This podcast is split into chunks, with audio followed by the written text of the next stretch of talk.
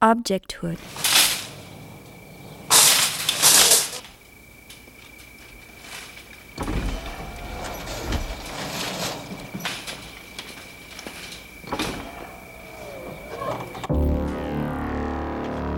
The audio you hear in the background is from Scott Spiegel's film Intruder from 1989. This charming slasher film contains a whole catalog of weird points of view and unusual subjective camera action. Not just human subjective camera, but also non human.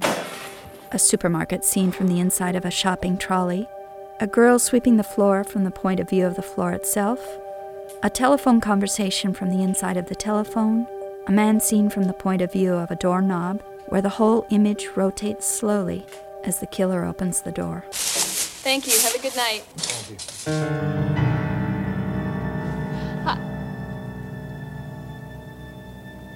Long time no see. This, of course, predates Harman's inaugural paper on object oriented ontology, and needless to say, there are many similar examples across a number of artistic disciplines, not just cinema. Blank Process, a work by New York artist Clement Valla, puts a simple yet effective twist on the notion of the subjectless object applied to photography. The images in the piece, subtitled Areas of Interest on the Studio Wall as determined by a computer vision algorithm, are not chosen by a human photographer, but by face recognition software and other image processing and machine vision mechanisms in the camera. In other words, it's the camera's own point of view that makes up the work. Ian Bogost calls that alien phenomenology. Indeed, the question of objecthood has powerful echoes in the art arena. Western art in the 20th century became to a large extent an exploration of the functions and basic properties of objects, from the implications of the objet trouvé to the comment on mass reproducibility in pop art or the disappearance of physical artifacts in many conceptual works. As hinted by Sven Lütticken in his essay Art and Thingness, there is a somewhat invisible string connecting Duchamp's Ready Mades and Natascha Sadr Haghighian's 2008 solo show, which exposed the largely unknown role of companies that produce pieces for world renowned contemporary artists. We could as easily conceive additional imaginary lines populated by other works that explore the notion of objecthood within art from a variety of standpoints. To name but two obvious classics, Joseph Kosuth's One and Three Chairs puts a linguistic spin on the subject, while many of Christian Boltanski's installations address the symbolic potential of household objects as substitutes for human stories. These and many other pieces reflect a common interest in the complex network of links between substance, matter, subject, object, and properties, which unraveled during the past hundred odd years throughout many other disciplines. In the study of sound and music, for instance, Pierre Schaeffer's early notion of sound object, which echoed Husserl's phenomenology to accommodate the demands of the acousmatic experience, has been supplemented by other theories using similar terminology, applied to psychology and metaphysics rather than music. Authors such as Casey O'Callaghan have drawn on recent advances in auditory perception, most notably Albert Bregman's influential auditory scene analysis model, in the definition of their auditory ontologies. O'Callaghan says that sounds are best conceived not as pressure waves that travel through a medium, nor as physical properties of the objects ordinarily thought to be the sources of sounds, but rather as events of a certain kind. Sounds are public objects of auditory perception.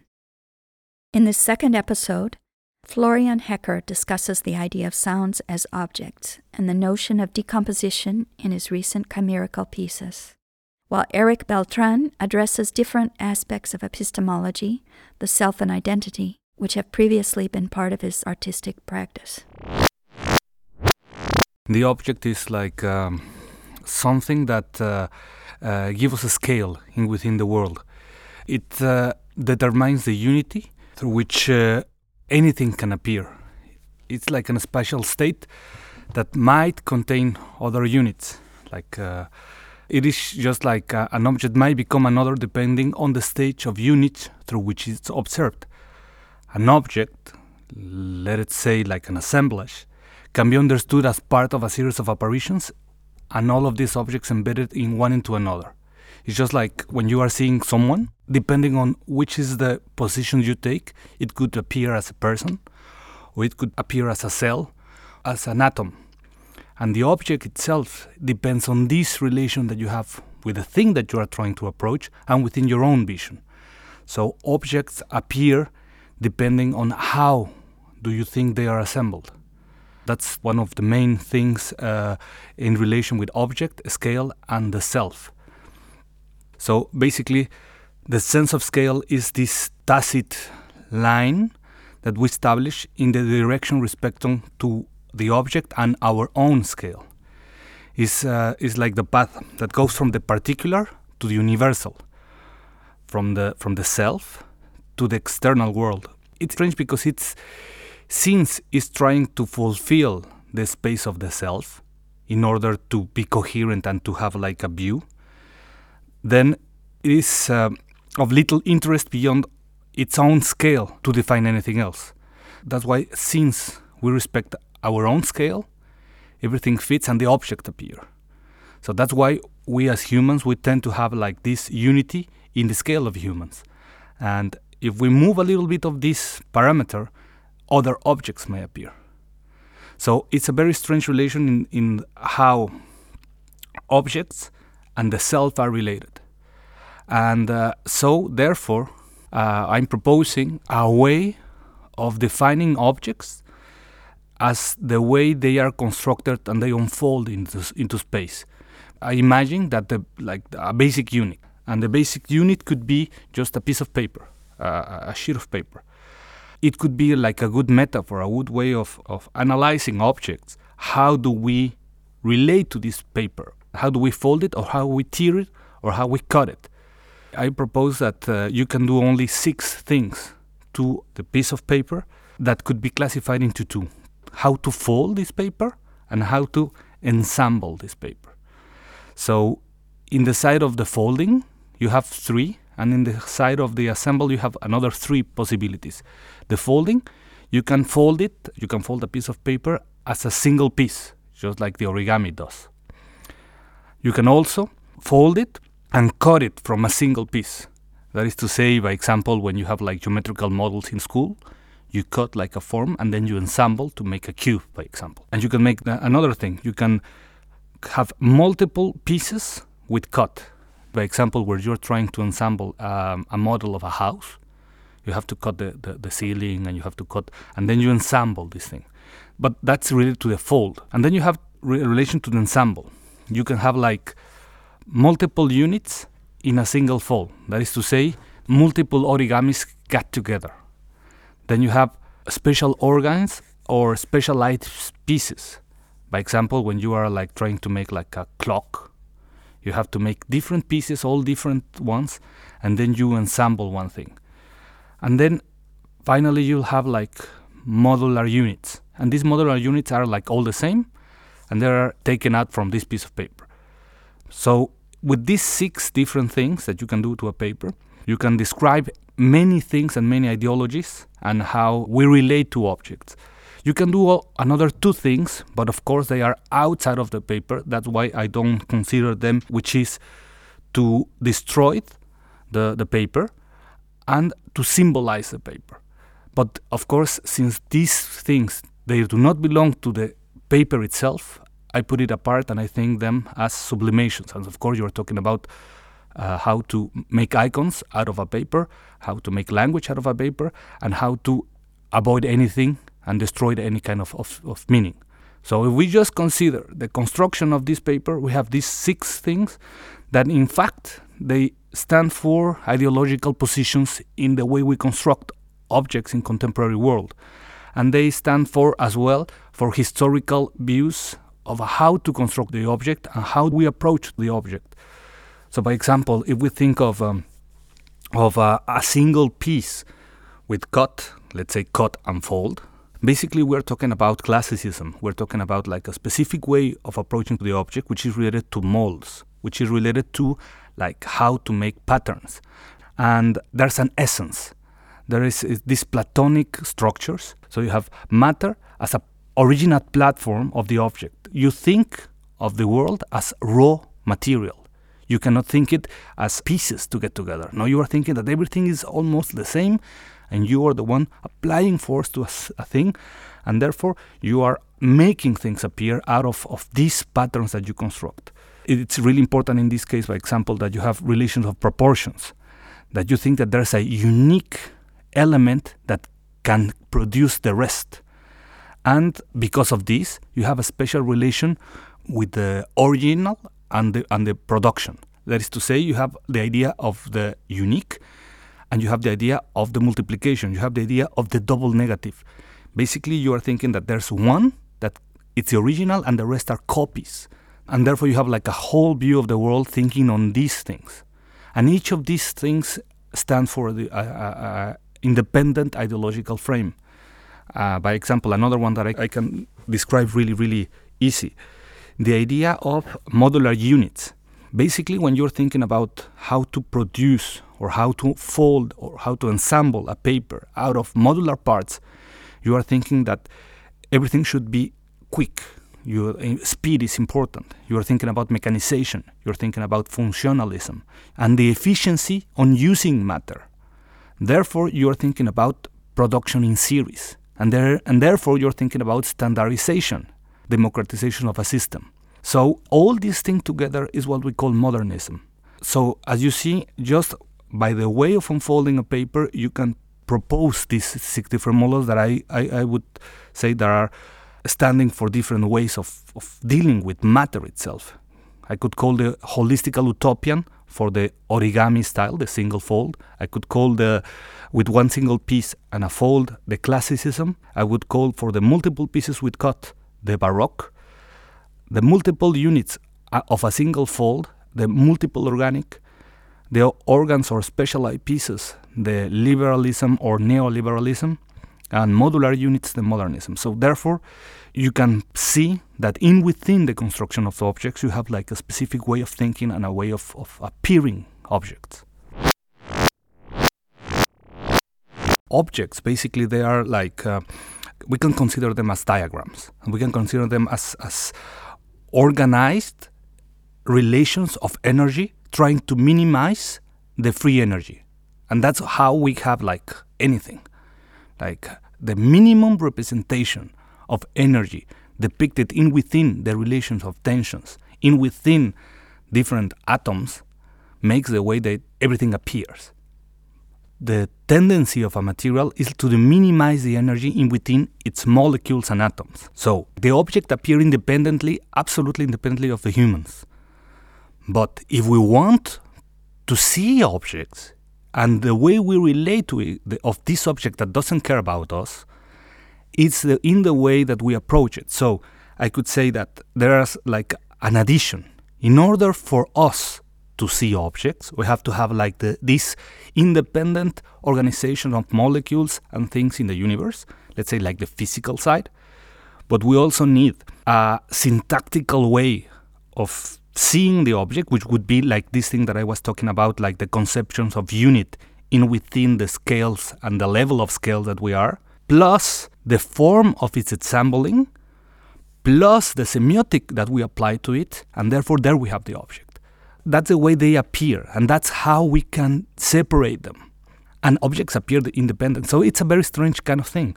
I think that the physical world and the, and the objects themselves, they don't care about us. And they arrange in a specific way, but somehow it's always layered by this curtain that we need to create in order to have a, a certain representation of it. Because as I said, I can see an object as, I don't know, aluminium, or I can see it as a chair, or I can see it as a house. And it's almost the same object. It's a negotiation, the relation that you have with reality. You always have to have a processing within. These processes, most of the time, they are hidden from our own practice. I really like the idea that we create machines. And most of the time, machines, they're, they're like blocking this process from our direct view.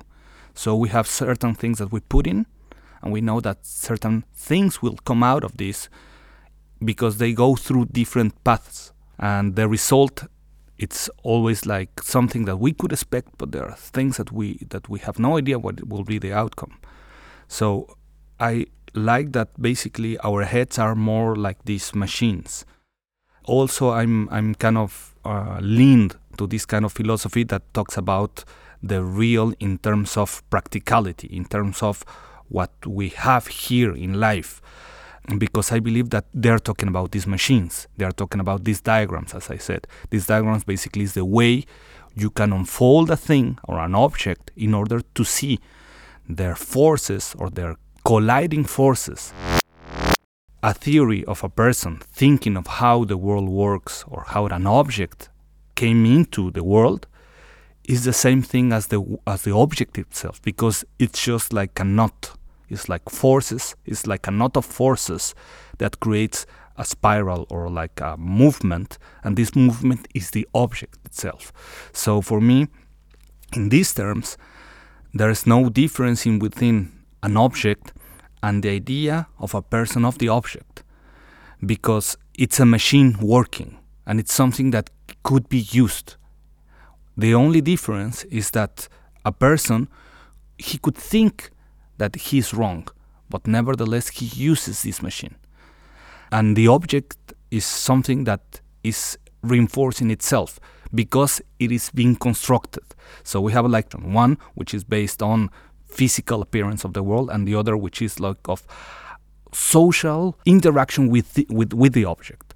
But in the in the end, they are both machines, and that's why I really like the idea that diagrams are machines in this way, because you can use the same diagram in both circumstances because you're talking about forces and you're talking about like minimum use of energy. And that's how we work. That's how we deal with reality and that's how we negotiate with reality. If we face something that we don't know, basically the thing that we do is that we pull from every part to create a strange thing. And this strange thing is just our negotiation with reality. That's why I, I, I always talk about that in modernity, one of the things that is being taken from us as a, as a society is the possibility of reading in scales and the possibility of, of the unit itself. And that's why we are so, we have so many troubles of understanding movements and processes. If someone talks about economy, we are lost, even though they can tell us the, the numbers. And that's because basically we lost already the idea of unit. And this idea of unit is, is, fundamental to the apparition of objects. The basic unit that we use in contemporary life is the self. And that's because capitalism and the, the approach to the object itself has colonized a part that now is just filled with the self. Everyone is like the hero of its own uh, movie.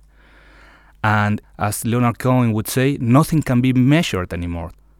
And that's how I relate these all these things with our own creation and mythology. For example, the idea that objects have their own soul. And in Marxist uh, approach, that they could one day make a revolt and, and and kill all of us no that they have like they have will and they could take our will that objects are are, are the real will of ourselves and that's really a scary thought. And that's what's happening more or less in terms of, of our relation of, of, of capitalism, of this diffuse capitalism that we're living in, that we have no one to blame. So you could think that the need for us, for zombies to be there, is because we really fear of objects, because objects can hit us, objects can eat us, or objects can hurt us.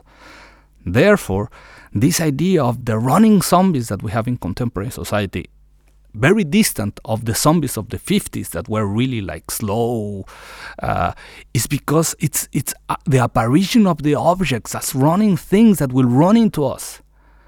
And they will eat us. And now they don't they they they, they even have like a very strange kind of will these apparitions of things basically they are the same thing. Like these psychic apparitions these machines that uh, that we have basically is these things that they are appearing all the time. And our symbols our contemporary pop culture makes these spaces and therefore they, they, they create these, these forms.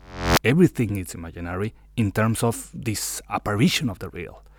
So, how do we call something to appear? And and and that's the machines working. Either they are mental machines or they are physical, practical machines, but things appear just because we imagine them. There's like a very, very interesting uh, thought of Carlo Ginzburg that says that it's a classical riddle in philosophy. Why can we kill a, a Chinese Mandarin so easily if, it, if, if, if the consequences would be so, so dramatic?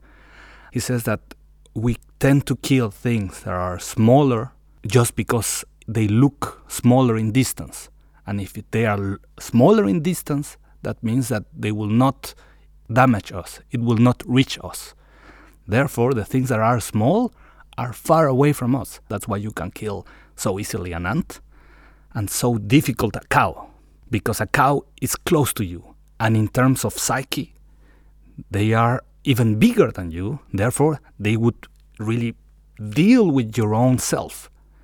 Recently, I read a scientific article that says that apes that been taught to deal with words, like 200 words or so, these apes that can speak almost like a two year old kid with machines and riddles and this, they haven't done one thing, which is to make a question. And that is because, not because they don't have questions, but because they cannot produce the question because the universe is seen within itself.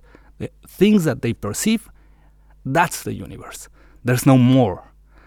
And for me, that's a very, very, very strong uh, assertment, and, and that's the relation of ourselves with the world.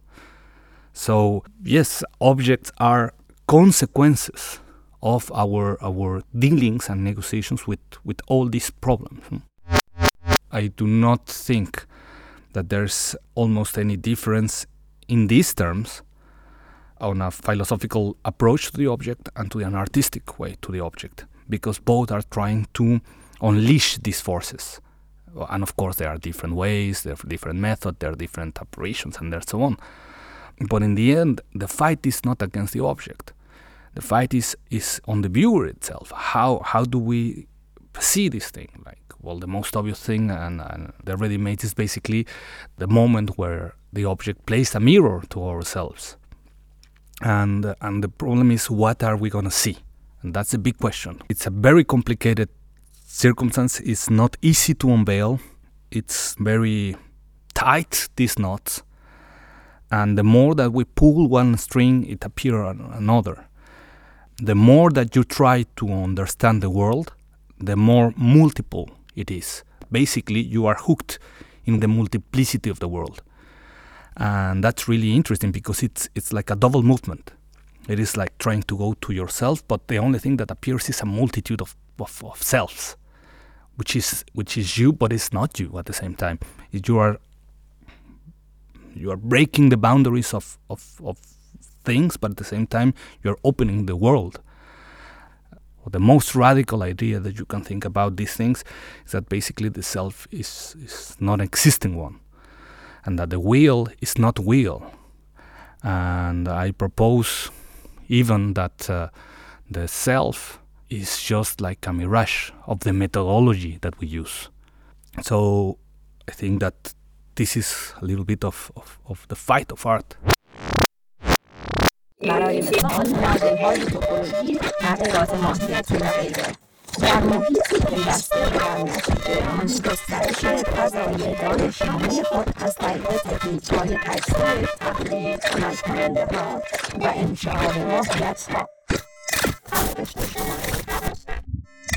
دو متعاقبا تغییر شکل پیچاندن و به هم بافتن نمایه های جایگزین فوق ذکر و پالایشترین ساختارهای فراگیر غیربدیهی که دارای ظرفیتهایی نامحدود برای آشفتگی های تکمیل و سنجز بیشتر بدون خطر سردرگمی و پریشانی my, my point of view is uh, very much coming from a practitioner side that um, I'm doing things with sound, and it's not that it's um, an illustration of, say, like a philosophical or a, a psychoacoustic concept that interests me. Um, it's something else, like it's more like a, a, twisting or a dramatization from an idea into a into a piece. So my whole point of view is really coming from a, um, a practice of, of uh, you know of, of, doing this of, of, of, working with it rather than thinking with it and I stumbled across um, uh, an essay by Michael Kubovy and um, the, and Van Valkenburg in um, in a book called uh, Ecological Psychoacoustics and um, this essay addressed uh, three different notions, uh, uh, psychoacoustic oriented notions on, on how we can think about sound. One, one was sound as an event, as Jens Blauert um, has been circumscribing it since the since the 60s. Then the, the other uh, the other notion was uh, Albert Bregman's idea of sound as a stream, and um, uh, the third one is um, um, convention that uh, Kubovy and van Valkenburg um, uh, coined was um, was the, the object notion or the, the auditory object um, notion of sound. And um, I found this um, very very compelling when I when I read this um, this text. Basically, I've I've been quite fascinated by Albert Bregman's uh, book on the auditory scene analysis a little bit a little bit earlier and also on, on Jens Blauert's ideas of um, of spatial hearing. So I found it very nice that they put these two very different um, notions together with with this third one that they're developing of auditory objects. It's much more looking into um, uh, ideas from the uh, Gestalt psychologist of um, uh, you know what can be uh, or what is perceived as a background, what is perceived as a as a foreground. What I found interesting about it was that it's also something like a more like a metaphorical priming for the listener, for the audience, that hopefully is giving a, a direction more towards uh, the materiality of sound and, and, and what is the yeah what is sound as a as a material. Um, so a shift away from um, this trend of um, of thinking of sound as uh, as immaterial. That's been um, I think much connected to um, uh, yeah I think like you know to our practice when when doing a performance somewhere, but also um, it's a certain I think it's certain like devaluation that that happens uh, if you only would think about sound as the as the immaterial because like it, it's it's just, it's neglecting many of the material aspects that are very very important. Uh, I mean you know, you guys know like having a uh, a very particular loudspeaker system makes a hell of a difference in a very particular space. I think the uh, in very particular cables. So like there are like loads of material aspects that they're too devalued when you always like stick to the immaterial thinking like okay like you know sound would, would function in any space under any under any conditions. So coming back to um, to these three different um, notions and, and thinking of, of sound as as, uh, as auditory objects, I hope that um, that this kind of re-triggers the thinking about the, the materiality of sound but then also to give some cues like what is this thing that happens between oneself as the spectator or the viewer in the space and the and the performance or this or the sound that, that is uh, that is the other entity and what happens you know like like now when we're speaking about electroacoustic music what is happening like between the loudspeaker as the sound generating entity in the space and uh, and you as the the, um, the perceiver. If you would take an instrument like a guitar or a, or a piano in our you know in our Western European um, convention, um, you can you can prepare it of course you know as as, as much as uh, as you want. I think you still have this um, this this certain pre-ringing of seeing this entity you know and then almost project what is the sound that's coming from it and, and with the loudspeaker you have this total cut that, that you you could not tell what is the next um, um, the next thing um, uh, coming from it, and, and, and I think this um, this notion of surprise and and uh, not being able like, to tell like what is um, what is coming next, I think is a, a very deep field and and that is open in in, uh, in electronic and electroacoustic music, which also can give a, a perspective to these uh, object uh, conventions and sound. Demonstration five celebration of a melody from interfering tones. A familiar melody is alternated with distracting tones. Well, taking the the, the MACBA, uh, the the, the uh, interruptions four piece, this is taking um, two seminal publications in, in the field of psychoacoustics, uh, the two CDs that accompany um, uh, two publications. The one is uh, Diana Deutsch's uh, CD with um, a musical illusion and paradoxes, and, and the other one are examples accompanying Albert Bregman's um, auditory scene analysis. Diana Deutsch's musical psychology stands on, on one side, and Albert Bregman's uh, psychoacoustic notion on, on the other side. And what is happening in the piece that um, one channel of, of Diana Deutsch's CD and one channel of Albert Bregman's CDs are getting chimerized, and these two different um, uh, notions of, of sound that they're um, uh, proposing are, are being um, are being twisted and and, uh, and, and, and something else is is, uh, is happening.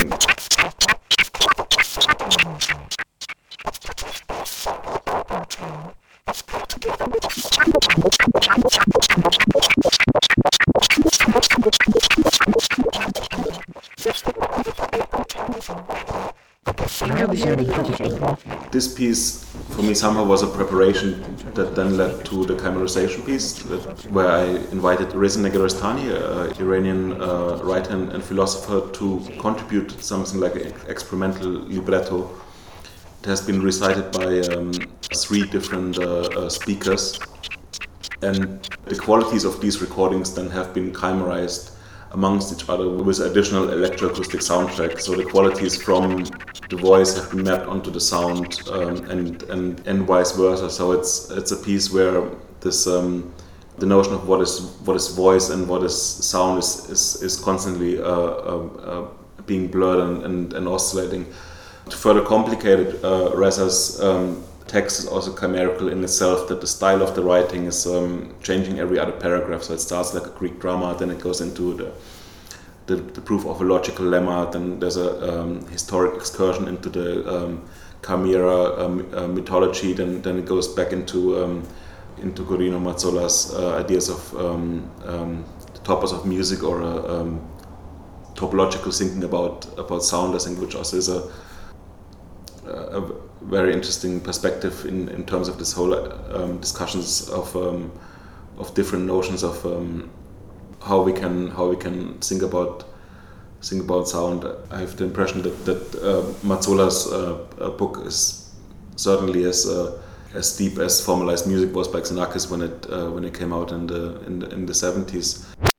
The Chimera pieces are for me much more about decomposition than they are about um, about composition.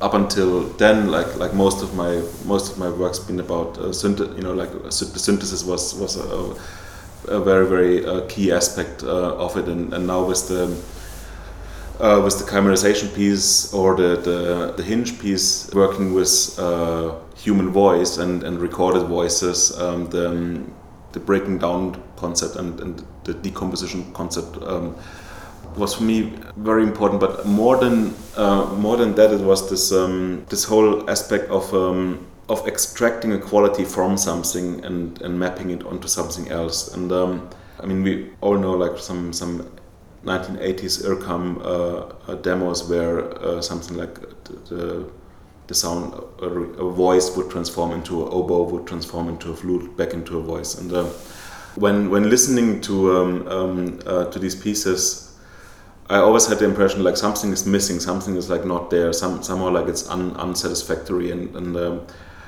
I find that um, the intensities of the uh, sources uh, somehow got uh, lost in this in this process, uh, probably due to um, uh, trying to um, have a, a, very very um, uh, fine frequency resolution and a rather coarse time resolution. And um, when I came across the, um, the auditory chimera, the, the, first time was I was amazed about was this this extreme coarsity that the, the process um, allows in, in working with, a, with very, very few bands of, of, uh, of decomposition. However, um, due to this, um, this very low frequency resolution, the timing uh, resolution would be kept much, much more um, accurately. And, and um, I have the impression that the timing is, is much more influential for the um, for keeping intensities and with intensity. So when you know when we speak about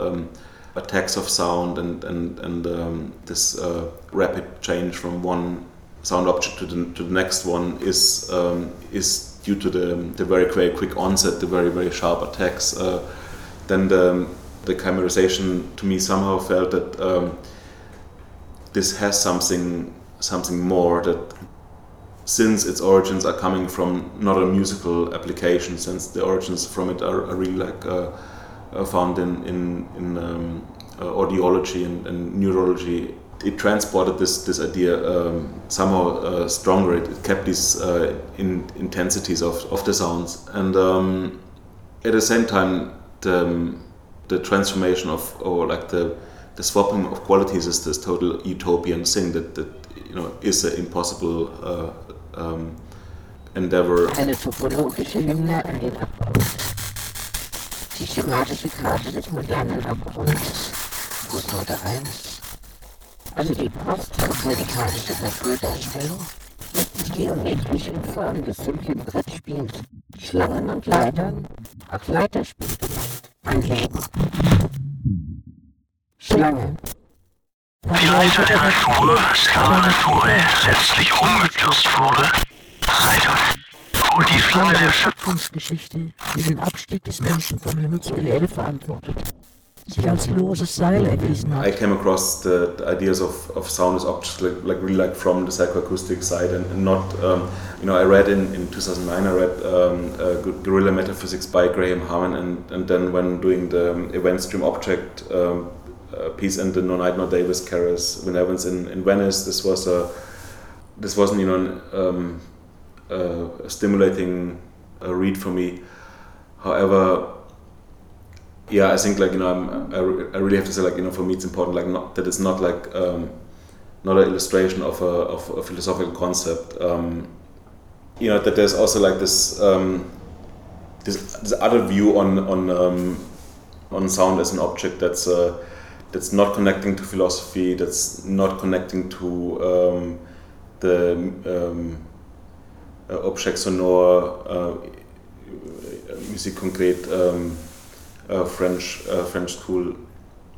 I think these things are also like often um, like now speculating about what the motivations were when when these um, when these terms um, uh, came up. I think like you know often it's a it's also uh, an attempt like to defend your ground and, and to say like that this is what I'm doing and, and I have you know I have to do this this um, uh, this this now in, in order to um, you know to claim some um, some territory. Curtis Roads was um, um, when um, we did was like maybe five years ago already in in Nord's place in San Francisco. This an event uh, about the notion of noise, and it was um, uh, Yasunao Tone, um, uh, Curtis, and and uh, and myself, and, and Curtis referred to noise as um, as being a linguistic substitute for um, a hard to define field, and I think this is a, a, a very beautiful saying that um, as you know as many things as these definitions like sound objects for example i think that it's a that it's a linguistic substitute for something that is not easy to um, or like very very hard to describe and i think in our like you know constant like need to declare everything as, as research these days and everything has to be rationalized somehow i think it's very you know very good to keep these um, these vague terrains open i think particularly you know when you're a practitioner and when you don't have to uh, write a book about what you're you know what, what you're doing. This is the second part of Objecthood, a mini series of podcasts about objects in contemporary philosophy and art.